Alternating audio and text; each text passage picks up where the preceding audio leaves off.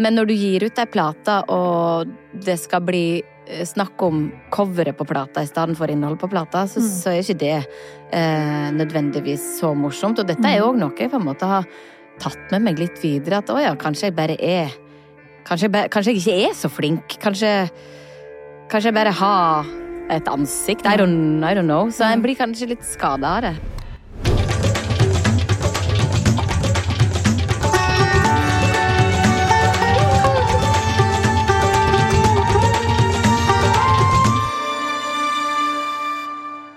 Hei, jeg heter Abid Raja. Og jeg heter Nadia Ansar. Du, Nadia.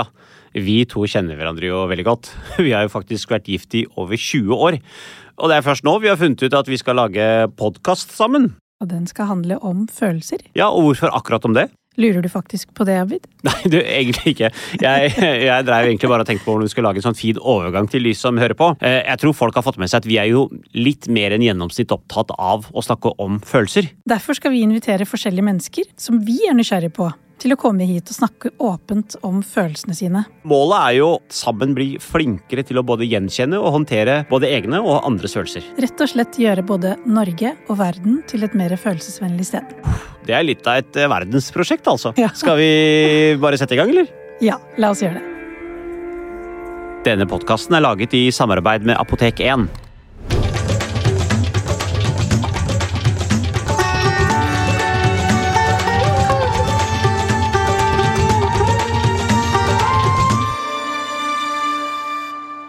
I studio i dag har vi med oss en ekte superstjerne.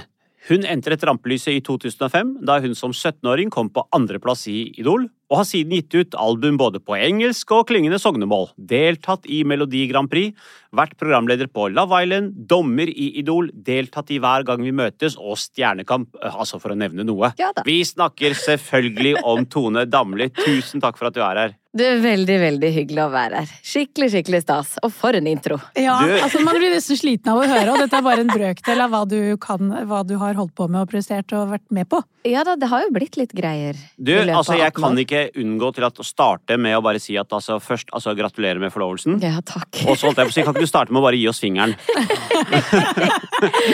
Ja, altså Her Altså, er gud, jeg dauer. Altså, jeg tenkte det er en stjerne her, men det er en, en, det er en like stor stjerne på fingeren. Altså, den glitrer ganske fin. Sjekk den, da! Jeg så bare, what the hell er det? Ja. Er Den veier jo et tonn! ja. Altså, det, Jeg skal, skal, du, skal du gjemme den nå? Altså, du, må jo, du må gi fingeren til alle. Du må gå på gata og bare sånn Den til deg! Kom igjen, den til deg! Ja, du, det er for det første veldig uvant å Ja. gå med, med ring. Jeg går aldri med ringer. Mm. Uh, så, så jeg er litt sånn eh, i starten, eller Første dagen så var jeg sånn Skal jeg ta den av meg når jeg vasker hendene? eh, I dusjen? Men så har jeg skjønt at man bare skal ha den på hele tiden. Ja. Eh, men den er veldig fin, så jeg, og jeg er Altså, veldig dette er jo ekte saker, da kan du ha den på hele tiden, men sånne ringer som jeg har, de må jeg ta av når jeg skal vaske hendene eller ta på krem. Jo, man For da, ellers så går jo Ja. eh, av fargen Men av. den diamanten her må du jo egentlig bare ramme inn og ikke gå med i det hele tatt, for den, ser jo, den kan jo bli skadet. Altså, Det der ser ut som en sånn Ja, Hvor lang tid har Markus brukt på å designe denne? Markus er veldig nøyen. Eh, Han er en estetiker. Og eh, så vidt jeg skjønte, så har han brukt nå tre måneder på å lage denne ringen her, da. Så han har designa den helt sjøl, vært med liksom i hele prosessen. Så jeg tror det har vært viktig for han, og jeg kjenner jo at det betyr ekstra masse når han har lagt sjela si i det. Mm. Jeg tror Ja. du sa 'jeg kjenner hvor tung den er'. Ja. ja, og jeg har ikke peiling på, på slike ting, på Ja. diamanter og Ja. eh, Om er Top Wesselton, eller om det er River, eller Jeg skjønner er ikke hva du snakker Det er eh, River IF, altså, for da er det jo den topp, topp kvalitet. Altså at det er totalt eh, Ja. Mm, Ja, jeg har skjønt på Markus at, eh, at det er noe ordentlig grei. Ja. Og så ble du fridd til i London. Ja, det ble jeg, altså. Så var det en romantisk helg, altså. Ja, og ikke ante jeg at dette skulle skje. Skal sies at jeg har hinta litt til Markus om at det hadde vært kjekt. Eh, men òg lite grann på tull, på en måte. Eh, fordi at jeg mener at vi blir ikke noe mer kjærester enn vi allerede er, og vi har to fantastiske barn. Eh, så vi er liksom godt bundne sammen. Men det hadde vært fint med den der lille sånn prikken over i-en, bekreftelsen. Mm. Eh, og det å være gift. Mm. Men denne turen til London var det jo jeg som pressa på. Oh, ja. Eh, for jeg følte at vi trengte noe ei kjærestehelg. Det har Ja. vært mange uker med Stjernekamp. Jeg har kanskje vært litt fraværende. Eh, så jeg pusha litt på at nå eh, Skal jeg til London? Ja, nå skal jeg til London. Nå må hun trenge min tid. Så han fikk det jo jækla travelt med denne ringen, for han hadde egentlig håpet vi skulle reise om noen uker. Ja. Mm. Eh, så det var på mitt initiativ, og derfor så tenkte jeg jo heller ikke at dette kom til å skje Nei. nå. I det Mm. hele tatt. Så jeg blei tatt off guard, altså. Ja. Ja, veldig gøy. Ja. Da klarte Altså, han jo det, da. Det er kjærlighet. Mm. Altså, det er, her har mange menn mye å lære. Altså. Altså, de må bruke minst tre måneder på å planlegge denne ringen. Altså, kan, vi kan jo komme med en liten selvavsløring, for det er Ja. noen andre som også har blitt fridd til i London. Ja, På toppen av London Eye. Og det er du. Ja, det er faktisk oss, det. Det er jeg som blir Og da var. London Eye bare viktig å si London Eye var helt ny da. For nå, jeg tror at, nå hadde jeg ikke gjort det, for nå er det sånn rart, for da har liksom alle gjort det. Men det var den akkurat kommet. Jeg syns det var superromantisk. Men vi hadde jo dessverre ikke noe helg der, akkurat som, det, altså, som dere hadde. For vi var jo hemmelige kjærester, så vi var jo der på dagstur. Ja, ah. Så vi, det var veldig viktig at vi måtte komme hjem på kvelden, sånn at ingen skjønte at jeg hadde vært i London. Oi, oi, oi, oi, Jeg oi. hadde jo absolutt ikke lov til å være med en kjæreste Nei. til London uten foreldrenes velsignelse. Så jeg fant ikke noe bedre sted enn å gjøre det på toppen av London Eye. Ja, og det var veldig stilig, da, for da hadde han jo snakket med alle, for vi får jo ikke en hel boks for oss selv. Nei. Så de andre visste at nå kommer jeg til å bli fridd til, men Ja. det visste jo ikke jeg. Nei. Så når vi var på toppen, så setter han seg på kne, og så tar han fram diamantringen da, og spør, så så frir, da. Og da var det jo mange som filma og knipsa bilder, så jeg syns jo det var veldig, veldig romantisk. Ja, vi hadde da, jeg hadde med meg da et engangskamera, så vi Ja. har et engangskamerabilde fra, fra eh, mitt frieri på toppen av London Eye Ja. på en dagstur til London som var hemmelig. Og så kunne vi ikke fortelle det til noen heller, Nei. fordi at vi måtte jo holde dette hemmelig. Så, så gratulerer med din fantastiske helgtone, for det høres ut som en, en litt sånn bedre frieri og bedre planlegging og, og bedre bilder, vil jeg også kanskje si. Ja da, eh, det skal jo sies at eh, Markus visste ikke helt hvordan han skulle gjøre dette her. Eh, og han hadde denne sekken i ringen gjennom sikkerhetskontrollen, og han var litt sånn redd for kommer de til å stoppe meg med den ringen, Ja. Og i så Han fall er så- diamantsmugler, Ja, og i så fall så hadde han tenkt ja, men da bare frir jeg i I sikkerhetskontrollen. sikkerhetskontroll! Ja. Det hadde vært noe, det. Ja, jeg hadde sagt ja da. Okay. Og så eh, hadde vi vært på taxfree-en, eh, og jeg skulle da på død og liv åpne sekken hans og putta liksom alle de. Og ja, han bare søren, hvorfor skal du gjøre dette her? Og når vi kom til hotellet, så hadde jeg i tillegg da begynt å pakke ut av sekken mens han var på do. Og han, men jeg, jeg så aldri den Nei. ringen her, heldigvis. Og så ble det til at han hadde tenkt å fri på en restaurant som jeg hadde booka, men så hadde jeg dobbeltbooka. Ja. Så jeg avlyste den som han egentlig hadde tenkt å fri på. Oh. Eh, så jeg tror han blei litt sånn der oh. eh, Litt Ja. stressa. Så hele planleggingen hans på den restauranten, den gikk litt i vasken. Den gikk litt i vasken. eh, Så var vi ferdig å ete på denne restauranten vi da endte opp på. Og han bare Shit, nå må det skje snart! og jeg hadde jo ikke letta fra den stolen siden vi kom. Jeg hadde jo borrelås i rumpa. Eh, Men så må jeg på toalettet, og så spør han meg hva vil du ha å drikke, Tone? Så Ja. sier jeg vet du hva, bare overrask meg. Ja. Og det var hans ku. Og da, da, ja, da iverksatte han altså Mm. alle rundt seg. Jeg tror det var fire servitører. Du må komme med rosa champagne fort! Eh, Du må filme! Jeg skal ha fri! Ja. Ja, og sånn skjedde det. Litt sånn Ja. Eh, Men det var. Vel, da gratulerer sånn, så eh, utrolig, utrolig mye, Tone. Og for en fantastisk ring der. Jeg syns du skal gå rundt i byen og gi alle sammen fingeren. Bare vifte. Jeg syns med fingeren var fint. jeg. Nei, egentlig ikke. Bort den. Hun turte ikke å gi fingeren Jeg heller! bare tenkte gi fingeren, det høres veldig arrogant ut. Ja da. Ja, men den ringen så hadde jeg også gått ut Come on! Det er lov til å være litt stolt, altså. Ja. det var, eh, åh, åh. Så jeg tror Abid har lyst på den ringen.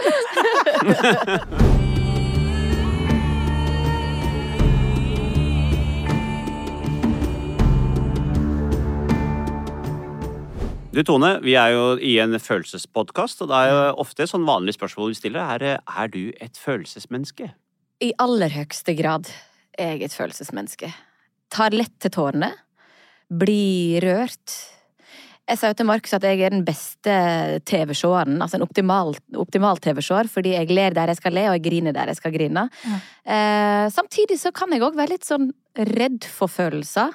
Syns følelser kan være ubehagelige. Eh, kanskje spesielt eh, eh, å skulle ta opp ting eh, sjøl. Eh, det kvier jeg meg litt for. Mm.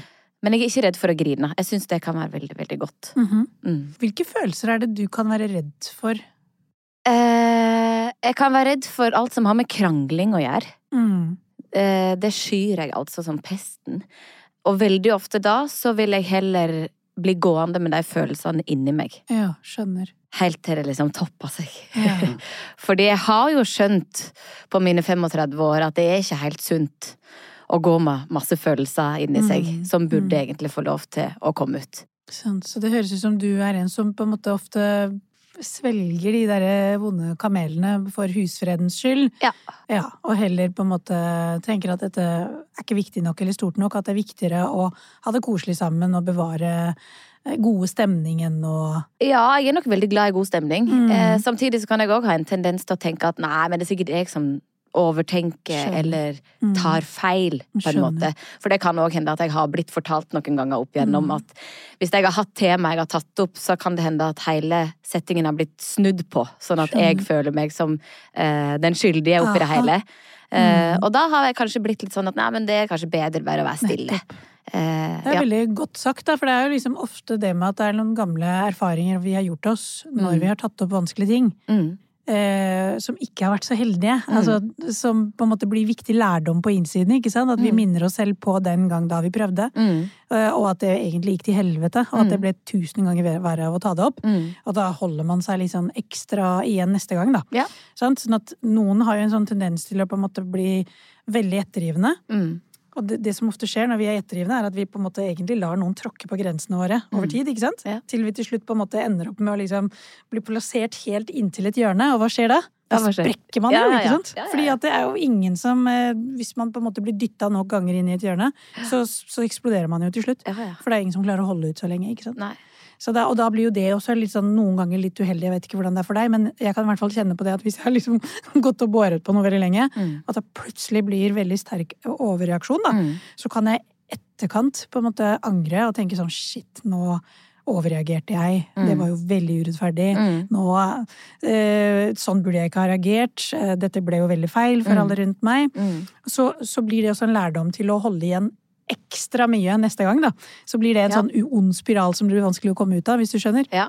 Samtidig så tror jeg jo, altså min måte å være på gjør jo at når det først smeller, så blir det tatt på alvor. På en måte. Da er det jo ingen tvil om at dette her Da måtte- står Markus skolerett. Ja.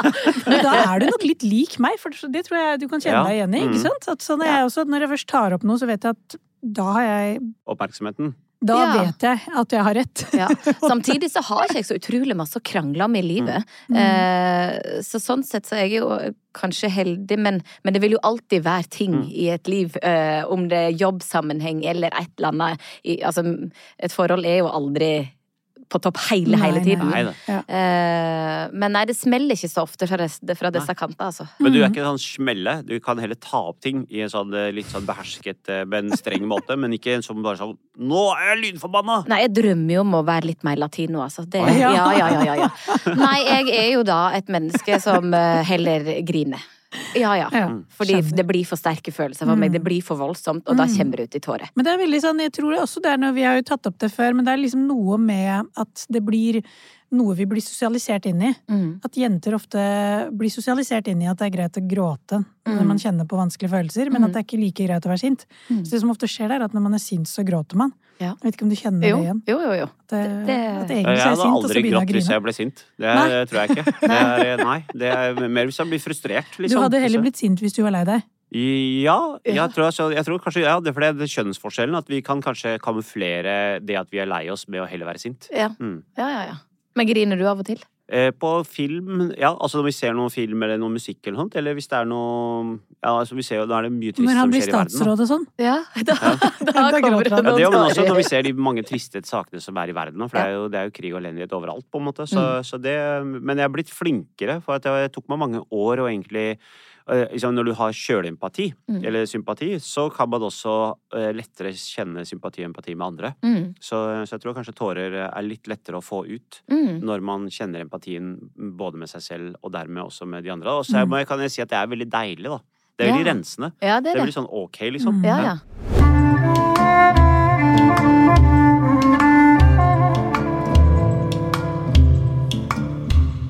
Jeg lurer jo på hvordan du var som barn. Min barndom og oppvekst har vært for det jeg vil kalle trygg. eh, og god. Eh, Men kanskje ikke helt latino? ikke helt latino. Det vil si, det har vært, det har vært eh, temperatur i huset vårt òg, på en måte, men eh, ikke, det, den kom ikke fra meg. Nei, jeg skjønner. Eh, hatt eh, veldig fine foreldre, eh, siden vi var inne på følelser og sånne ting. Eh, er jo fra bygda, og jeg tror, eller iallfall sånn som jeg kjenner bygda, at vi er kanskje ikke oppvokst med å snakke så masse om følelser, nødvendigvis. Eh, heller ikke bruke veldig sterke ord, Mm. som 'jeg elsker deg'. Mm. Eh, Og det er sterke ord. Altså, sånn, ja. Ja. altså, på en måte uttrykke følelsesintensitet eller være raus med på en måte komplimenter og vital, vitalitet, på en måte. nei, og heller ikke klemming. Nei, Men jeg har aldri vært i tvil om at jeg er elska. skjønner. Så Mm. en annen måte å vise Mm. kjærlighet på, da, eh, vil jeg si. Så det har ikke vært noe tvil om at du er elska, men, men det har ikke blitt så verbalisert eller veldig sånn uttrykksfullt formidla til deg. Nei, absolutt ikke. Eh, veldig masse omsorg fra foreldrene mine. Og da jeg hadde kjærlighetssorg når jeg var liten, så satt jeg i armkroken til pappa, og han trøsta meg. Mm. Så, og det er jo Men det er de der veldig følsomme stundene noe litt sånn der ekstremt skjer. Altså, Nettopp. det var jo ekstremt i sin tid, og at ja, en breakup når du er 13. Så, så det er ikke noe tvil om at han er der for deg når du trenger det. Nei, Mm. absolutt ikke. Men jeg er jo nå blitt annerledes i forhold til mine unger, eh, som er veldig opptatt av å fortelle dem ti ganger om dagen at jeg elsker dem, Mm. og mest mulig klemming. For Mm. jeg syns det er en Jeg vil at jeg de aldri skal være i tvil. Ja. Det er kanskje et sånn skift i tiden også, at Ja. eh, foreldrene var litt annerledes tidligere. Og det som du sier, at du har aldri kjent på at du ikke har vært elska, og det har vært omsorg der, men så har kanskje eh, pendelen svingt en annen vei, og det å være foreldre. For vi kjenner oss litt igjen i at vi har også klemt mye på våre unger. Mm. eh, Og, og det, er, alltid, eh, hver dag, 'jeg elsker deg'. Minst Mm. én gang om dagen, så er det selv om de nå er ungdommer. Mm. Så, og det er en viktig del av Jeg vår tror ikke jeg også. sier det like ofte som deg, men jeg skal prøve. Og jeg fikk litt sånn shit, kanskje jeg burde si det litt oftere. Jeg kjenner meg litt igjen i faren din. Men når jeg sa videregående og våre barn på videregående, så tenkte jeg på at du starta jo også på videregående en gang. Ja. Og så flytta du fra For da måtte du flytte fra Trygge Sogndal, ikke sant? Ja, fordi du spør meg om hvordan, hvordan oppveksten var, og eh, barne- og ungdomsskole jeg tror ikke jeg hadde noe særlig problem. Hadde Mm. gode, nære venner, var veldig aktiv, klarte meg godt på skolen. Mm. Og så ville jeg gjerne drive med musikk, og da måtte jeg flytte vekk til eh, Sandane, fordi at eh, der var musikklinja. Mm. Eh, og der er første gang jeg har kjent på det å kanskje ikke passe helt inn. Hadde venner der òg, var der med bestevenninna mi, men jeg kjente på å ikke ha det bra og ikke være en, ja, lik alle andre. Mm. Og det var en vond følelse. Jeg hadde kanskje litt godt av å kjenne på det òg. Jeg veit ikke, fordi fram til da hadde ting gått ganske sånn på skinner. Mm. Eh, Så jeg tror jo erfaringen sånn i ettertid har vært veldig bra, men det å stå i en sånn situasjon er jo ikke noe særlig Absolutt. Det høres også ganske sånn eh, litt sånn øh, Veldig vondt ut, og på en eller annen måte ikke klare å knekke de sosiale kodene. Føle at man på en måte skiller seg ut og ikke passer helt inn. Ja, Det er jo ikke noe behagelig følelse. Veldig Nei. ofte så er det det som er roten til det vi kaller for skam. Da. Altså Ja. En sånn følelse av at det er noe galt med meg, eller jeg Ja. passer ikke inn, eller jeg er ikke god nok. på en måte. ja. Er det noe du kunne, kan huske å ha kjent på den gang da? Ja, øh, absolutt. Og der òg husker jeg nå, eh, i forhold til mine foreldre og følelser og det å snakke om det, jeg syns det var så vanskelig Mm. å fortelle dem om dette her. Mm. Og du vet, jeg satt med telefonen i hånda og hadde lyst til å ringe dem, men så klarte jeg ikke, for jeg Mhm. syntes det, det var vanskelig å få ut de ordene. Så jeg satte meg ned og skrev brev.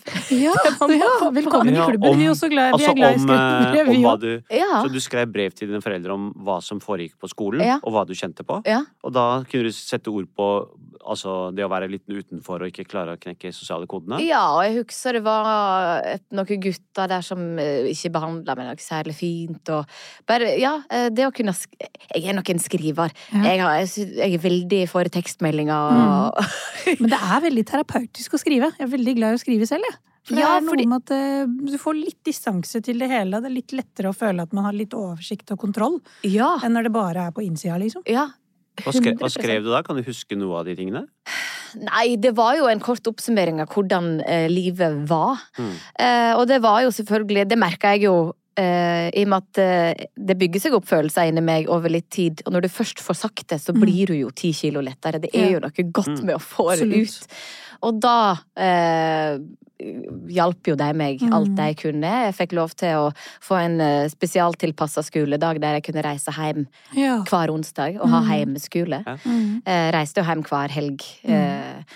Eh, så det var Det er jo noe godt med å si ting, for da får du òg Mm. kanskje litt hjelp. Absolutt. Pleide du å Eh. skrive brev tilbake til deg, eller fikk du da telefon? Nei, da fikk jeg telefon.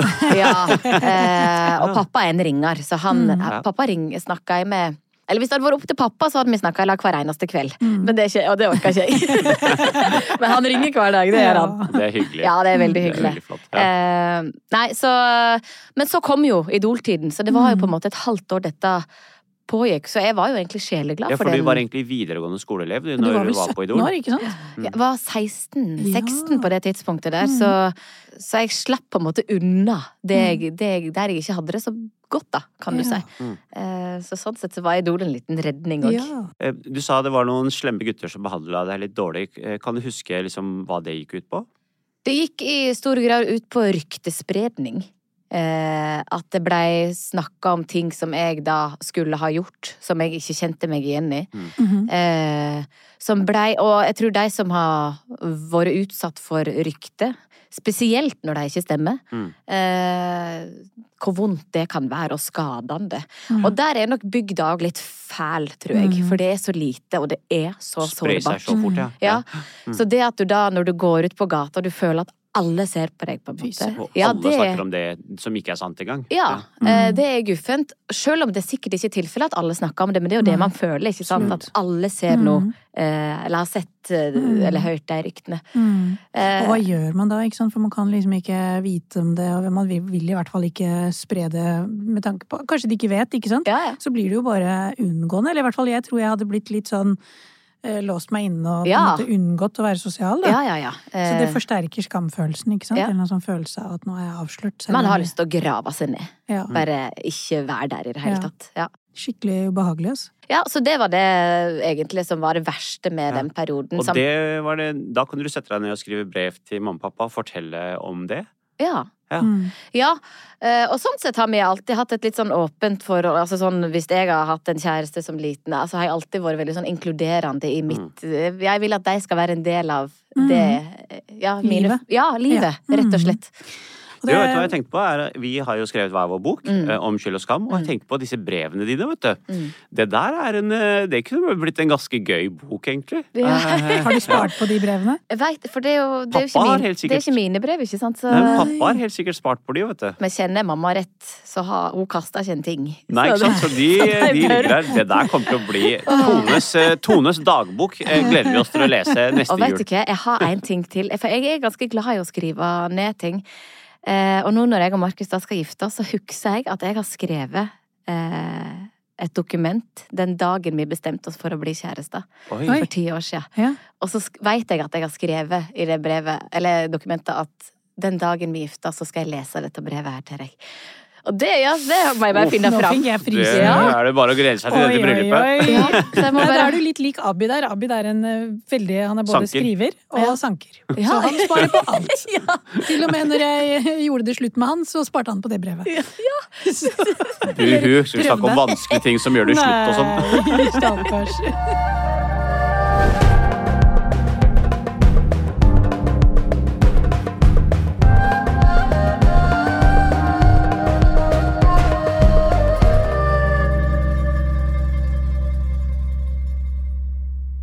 Du, Nadia. Vi har jo en sponsor i podkasten. Og ikke en hvilken som helst sponsor. Vi har nemlig fått med oss Apotek 1 på laget. Og det er vi skikkelig stolte av. Det er jo en eh, helt perfekt samarbeidspartner for oss. Ja, de er opptatt av veldig mange av de samme tingene som oss, som for eksempel åpenhet og det å ufarliggjøre det som er flaut eller tabubelagt. Kort og godt å vise omsorg. Og at fysisk og psykisk helse, det henger jo sammen. Nettopp, og det er jo akkurat det vi jobber for i denne podkasten også.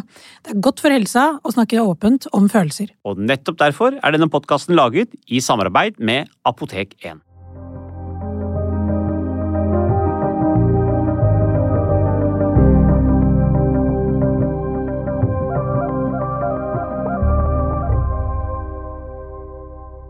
Jeg, jeg må, vi må komme med en selvavsløring her, for eh, vi to har jo Vi begynner jo å bli litt gamle, vi, så Ja. vi har jo sett deg og fulgt deg fra Idol-tiden. Faktisk, og vi Eh. syntes du var så utrolig begavet, så utrolig flink. Absolutt. Og så begynte jeg å gjøre litt research, for det må vi gjøre før vi kommer her. Mm. Og da ble jeg litt overraska det er veldig mange saker hvor det er heller en fokus på deg som artist, og hvor flink du er å stemme og alt dette, så er det mye sånn utseendeoppslag. Mm. Ja. Eh, nå vet ikke jeg om dette var feil, bare det som kom opp i den eh, Google-searchet, da, men hvordan er ditt forhold til det å være i sånn stjernekamp, være der og levere 100% og så skriver det veldig mange om utseende istedenfor?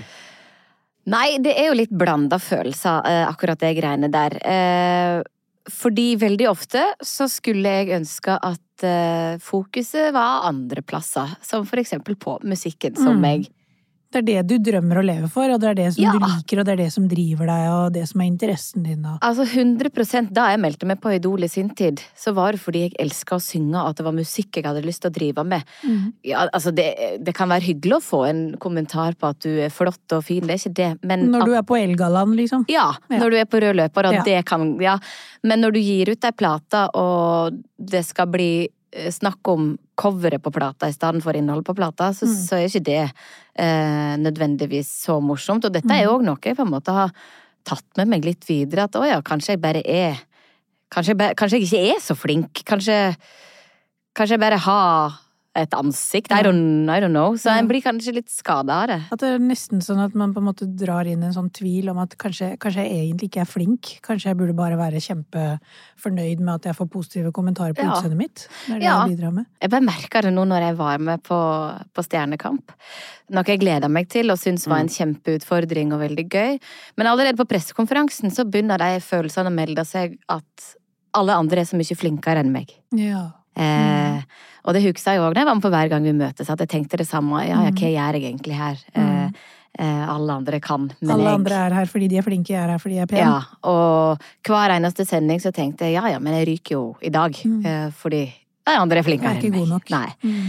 Eh, og jeg snakket med han eh, som er musikkprodusent på Stjernekamp, og siste veka så sa han til meg, nesten litt sånn Mm. provosert, sånn Tone, nå må du snart begynne å forstå at du er så flink. Mm. Eh, fordi jeg driver og kritiserer meg sjøl hele tida. ikke sant? Jeg skulle ha vært bedre til det, jeg skulle ha vært, skulle ha vært så masse! Mm. Eh, og da, det var litt deilig at han sa, fordi på et eller annet vis så Han sa det på en så hard måte at jeg Mm. nesten måtte på en måte forstå på det det. lite grann. Ja.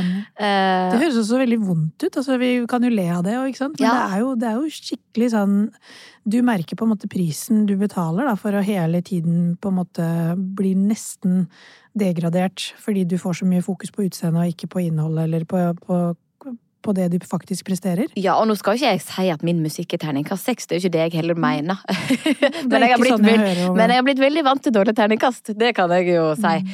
Eh, og det er jo selvfølgelig kjipt, og det gjør noe med en. En kan si hva en vil om at ja, det er en subjektiv mening, Mm. eh, men det, det er allikevel eh, orda til en person, og de setter seg jo Mm. i deg. Absolutt. Eh, Det blir jo det vi jo ofte internaliserer, ikke sant? Og så Mm. blir til den der selvkritiske stemmen ikke sant? Mm. inni oss at du er egentlig ikke god nok. mm, Det er den tvilen på en måte som blir den dyre prisen vi betaler for, eh, for å på en måte bli vurdert og evaluert Ja, ja. hele tiden. Da. ja, ja. Nå kommer den gamle likestillingsministeren i meg frem, for jeg så, så bidrar med en ting her. Og det er at jeg tror kanskje, etter å også ha vært sammen med Nadia en stund, da, eh, at, at det i det samfunnet vi er i, at kvinner kanskje i oftere grad reduseres det til sitt utseende. Mm. For jeg har vært på så mange samlinger med Nadia overalt, hvor folk kommer bort til oss, og så begynner de å snakke, og så sier de til meg sånn Å, du er så utrolig flink, og du er så engasjert, og det er så bra, og sånn. Og så ser de på Nadia, og sier de Å, du er så pen. Ja. Og det er sånn, jeg bare tenker sånn, men eh, dere har jo fått med dere, hun har skrevet en bok, hun har doktorgrad, hun er psykolog, sant? Så begynner hun er psykolog og sånn, altså, og så er det bare, de bare sånn, hun er bare et utseende for dem. Og ikke for alle, men på mange steder, så, så, og det har skjedd ganske mange steder, og jeg har tenkt liksom at vi som er det mest likestilte landet i verden, at også hos oss, så er det sånn, menn er engasjerte og flinke og osv. Også når man kommenterer da eh, ektefellene, så er det ofte litt sånn Ja, men du er så veldig pen. Ja. antrekk og utseende og sminken og vesken og skoene, Ja, ja. på en måte. Hva har du følt da. Nadia? Altså, når du sier det nå, så kan jeg være ærlig og si at jeg føler meg mindreverdig. Mm. Fordi at dette var også en kommentar som var knytta til podkasten. Yeah. Og da tenker jeg sånn, det er interessant da, eh, at jeg er jo deltaker her. Eh, og så likevel så er det 'du er pen' som er det som trer fram. Altså, han, hva, var, Ja, hva var det personen Gre sa? Greia sa var sånn Å, dere lager så ja, De sa Å, jeg har hørt på podkasten din, og det var sånn til meg. Ja. Og så står hun ved siden av, og det er så bra, du er så flink, og den podkasten gjør så bra for meg. Og så ser de på Nadia og sier Å, du er så utrolig pen. Og jeg var sånn Du, det er hun som er doktorgraden i den podkasten. Jeg hadde ikke ikke jeg, klart å lage en følelsespodkast. Så det var eh, men, men, men de aller fleste Ja. lytterne våre er ikke sånn også. Men Nei, vi hadde en sånn eh, men, men generelt opp gjennom årene så har det vært en sånn greie om at Abid, du er så flink, og Nadia, du er så pen. Så jeg kan kjenne meg igjen i at sånn, altså jeg tror kanskje jeg tenker som tidligere likestillingsminister at fokuset på Det er ingen som går bort til menn og sier til, du, kona di er så utrolig klok og sånn, og så smart og sånn, og du er så pen. Det er ingen som sier det til menn. Hadde vært deilig. Vi burde lage en sånn film hvor vi bare tar igjen med bare utseendefokus på menn. Så Jeg kjenner jo jeg blir provosert av å Ja. høre det på Ja, dine vegne òg, og på alle andre sine vegne der ute som måtte oppleve det. For det er ikke sånn det burde være. Nei, ikke sant. Og det er kanskje det, da. At du liksom, og du har jo vært i offentlig, sånn medienes søkelys siden du var tenåring. Så, så, så det er ikke rart. ikke sant? Jeg kan virkelig få en sånn medfølelse for hva det gjør med et menneske. Det er nesten sånn umulig å ikke la disse stemmene bli internalisert og bli til en slags indre selvkritisk stemme, da. Og krav. Særlig, særlig på 70, altså når, når du kom på Idol. Da Mm. var det jo et litt annet klima òg, ikke sant? Med Mm. han Slemme-Tor og Ja. Jeg husker ikke hvordan, hvordan var det, på en måte? For det var nesten Jeg Og ville du er jo nesten barn. beskrevet det som mobbing, nærmest. ja, altså De lagde TV litt annerledes for 18 år siden. Eh, jeg tror det var, det var på en måte om å gjøre å lage god TV. Og negative kommentarer og litt sånn styggedom, det, det, I noen sine øyne så er det festlig, på en måte. Eh, men dette gikk jo utover eh, unge, unge deltakere. Mm. Og jeg skjønte jo ikke det da, men jeg har skjønt det i seinere tid. Etter òg å ha vært idoldommer sjøl, da. Mm. At de kommentarene som ble sagt i 2005, hadde ikke gått igjennom Nei. eh, I i nåtid. Ja, hvordan ble det med deg videre? Kan du huske noen av de gamle kommentarene, eller Jeg, jeg vet ikke om jeg husker en konkret kommentar, men jeg, jeg husker jo at en på en måte bare måtte finne seg i at sånn var det, og en måtte, måtte bare tåle det på en Mm. måte. Eh, Dette er forventet av meg, på en måte. Når jeg tar en offentlig posisjon, så må jeg bare ja, svelge det og tåle det. Altså nesten på en måte sette fram en rustning, sånn at jeg ikke kan bli sårbar. ja, ja, men det å få høre som 16-åring at dette her var ikke bra nok, liksom, eller Mm. Det fører jo ikke til så veldig masse godt, vil jeg tro. Absolutt ikke. Eh, så eh, jeg tror Altså, jeg, jeg, samt, en kan sikkert ha blitt litt hardhuda og liksom robustere òg, men samtidig kanskje litt småskada av det. Mm. Mm. I form av den selvkritikken som du nå kan Ja, altså, jeg Og i form av det vi snakket om med, Stjernekamp. Ja, og utseende og Og det her, så har jo jeg blitt såpass tullete i hodet at jeg aldri går ut uten sminke, for eksempel. Mm. Mm. Og det skulle jeg ønske at jeg turte. Mm. Men jeg er så redd for å skuffe folk. Mm. At Ok. eh, Ja, For det, det, de, det, det lille de forventer av meg, er at jeg er pen. Ja! Og så skal jeg ikke levere på det engang nå. Det er akkurat det. Nei! Uff. Uff, vi kan le av det, men Ja. det er jo tragisk. Ja, det er jo det. Mm. Ja, for jeg tenker sånn, hvis jeg går på butikken og handler mat, så kan det hende jeg møter noen som har lyst til å ta en selfie. Og jeg har iallfall ikke lyst til at jeg skal gå hjem til kompisen sin og si vet du hva, jeg møtte hun Tone, hun var ikke noe pen i virkeligheten. Mm. Nei, da, og jeg, jeg hører jo nå hvor teit det er, mm. og tenker sånn, men sånn tenker jeg altså. Jo, men det er veldig fint at du sier det høyt, da, for jeg tror det er mange som skammer seg så mye at de ikke sier det høyt, men jeg Ja. tror det er veldig mange som kjenner seg igjen i det, ikke sant? Markus kan si eh, en søndag eh, du skulle ikke bare ha reist på Enoteka og tatt en pizza. Ja. En veldig deilig pizzarestaurant i Bygdøyli. Ja. Og da blir jeg sånn Ja, jeg hører hva du sier, og det hadde vært veldig hyggelig, men da må jeg ordne meg. Ja, Så jeg veit ikke om jeg ja, orker. jeg skjønner. Ja. Da blir man litt misunnelig på disse mennene som bare Ja. skal ta en dusj og ta på seg Ja. en dress og ferdig Ja. med det. Eh, så, så jeg har Caps. ja, Caps. Ferdig. Ja. Jeg er klar, jeg. Caps og klar. Og jeg hører at jeg skulle ønske at jeg ikke trengte å Mm. kamuflere meg på den måten der, men eh, jeg var jo òg veldig glad jeg, når det kom filter på Instagram. Jeg syns det var helt strålende! Slipp å sminke seg og sette på et filter. Nå, nå bruker jeg det ikke eh, i den grad.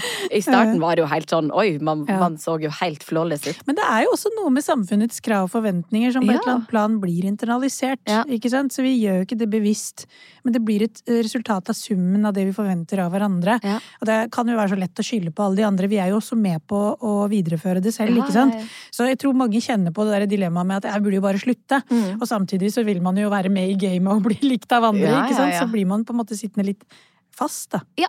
eh, Litt vanskelig, det Mm. greiene der. Ja. Men jeg tror det kan være ganske mange jenter der som, som føler og tenker på akkurat det samme. Mm. At de kan ikke ha en eh, dårlig dag, på en måte. Altså, Mm. Eller de må være fiksa på håret, de må ha pynta seg, de må se på en måte sånn eh, ut ifra hva, hva folk forventer, da. Mm. Jeg tror det er verre for, for deg. Det, ikke sant? For det er noe med hvor, hvor kjent man er. Ikke sant? For eh, særlig de som er så kjente, så tror jeg det må være en kjempekostnad. Så det er det ene, at det blir mye fokus på utseendet. Men det andre er jo, som jeg syns er mye vondere å høre på, det er jo at det At man får på en måte ikke så mye oppmerksomhet for det man egentlig eh, er engasjert i, som er Mhm. musikken. Ja.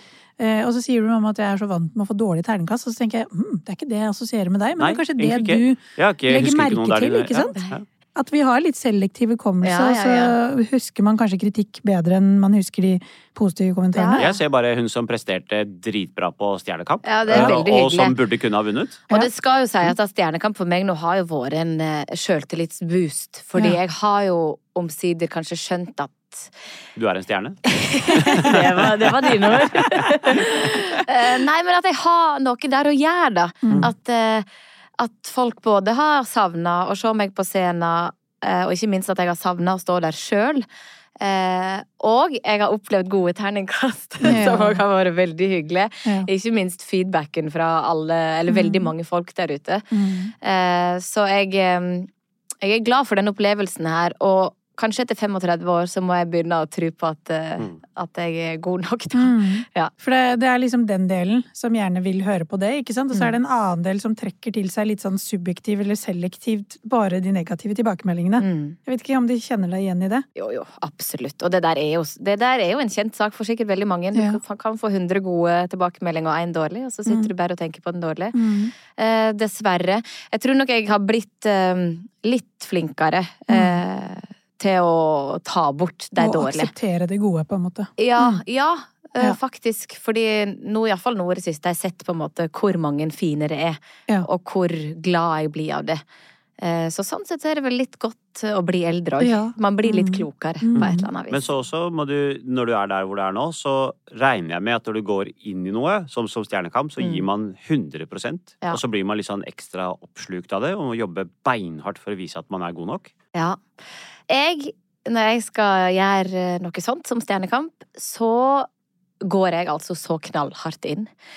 Eh, noe som òg går litt utover kanskje folk rundt meg. Jeg tror Hvordan ville Markus ha beskrevet deg i ukene når Stjernekamp pågikk? Eh, fraværende, vil jeg si. Altså i forhold til Jeg har gjort mine plikter, kan du si. Jeg har har henta i barnehage og på skole, jeg har laga middag, men at kanskje tankene mine har vært eh, en annen plass samtidig. Jeg har nok Mhm. multitaska litt, og kanskje jeg har nok ikke klart å være 100 prosent egentlig noen plasser. Mm. Men, eh, men Stjernekamp Jeg blir sånn når jeg først skal gjøre det, så skal jeg gjøre det så ordentlig, liksom. Mm. Og jeg skal eh, vise folk hvor hardt jeg jobber, og hvor masse dette her betyr for meg. Ja. Mm. Eh, og det må jeg faktisk eh, si at eh, jeg møtte tanta mi her for litt siden, Ja. og så sier hun ja, For det første sa hun at jeg er, så- jeg er så stolt av deg eh, for det du presterer, men jeg er mest stolt av å se hvor hardt du jobber. Mm. Og da ble jeg sånn Takk! For det er en anerkjennelse, ikke sant? Ja. Den innsatsen du har lagt til det. Ja, at de Mm. ser det på en måte. Mm. Fordi jeg føler det på hele kroppen, men det at noen faktisk ser hvor hardt man Absolutt. jobber, det er Mm. noe veldig, veldig deilig med. Absolutt. Stjernekamp da kunne egentlig gå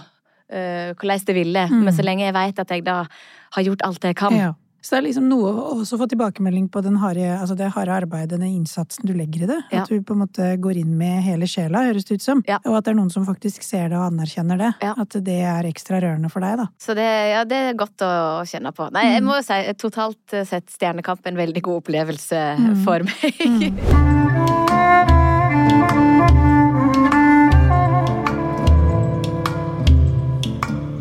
Vi har, eh, Vi har et kortstokk som vi har tilfeldige spørsmål liggende inni, og nå skal du få trekke ditt kort. Ja, jeg er veldig spent. Ja. Ja. Hvem er din guilty pleasure crush? Hvem er det som har laga det flotte spørsmålet her? Hvem er din guilty pleasure crush? Nei, det er jo David Beckham, det. Ja, ja, ja. Jeg hadde en mistanke om det. ja. Nei, det Fortell.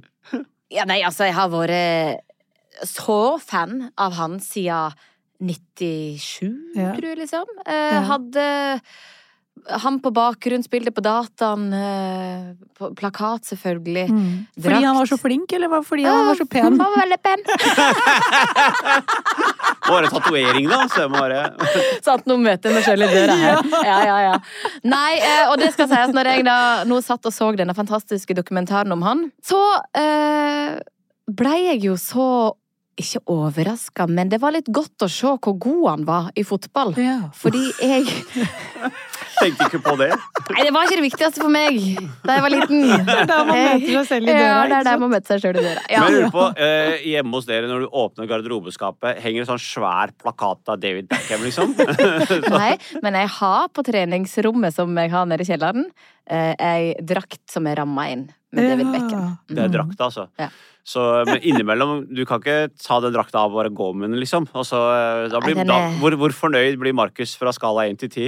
Jeg vet ikke, jeg tror faktisk Markus digger David Beckham sjøl. Så jeg tror han skjønner meg på en måte. Det må sikkert være eh, både tatoveringen og utseendet hans som Markus også digger. Kan ikke være Nei, jeg, tror, jeg tror det er hele pakka der òg. Ja, jeg tror det.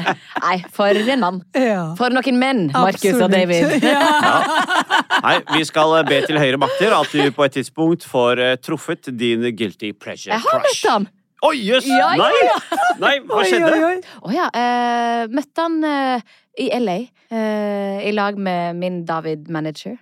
Så det var eh, en stor opplevelse. Hva sa du da? I, I crush on you? Ja, on you. Tipper han var passe fornøyd med det. Ja, jeg, ble, jeg var litt målløs. Det ble sikkert han også. Det er jeg helt sikker på. Du, Veldig veldig hyggelig å ha deg her. Og jeg lurer på om du trenger hjelp til å komme deg ut av studio, for den der ringen Den din den er så tung at jeg veit ikke, jeg vet ikke. Du klarer å gå den. Men tusen skal- hjertelig takk for at du kom, Tone. Det var en glede å ha deg her. Veldig, veldig hyggelig. Takk for meg. Og Lykke til med neste prosjekt, og jeg ser frem til å lese Tones diary. Tusen takk.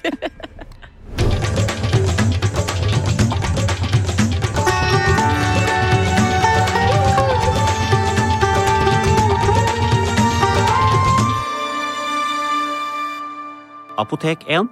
Vår kunnskap, din trygghet. Plan B.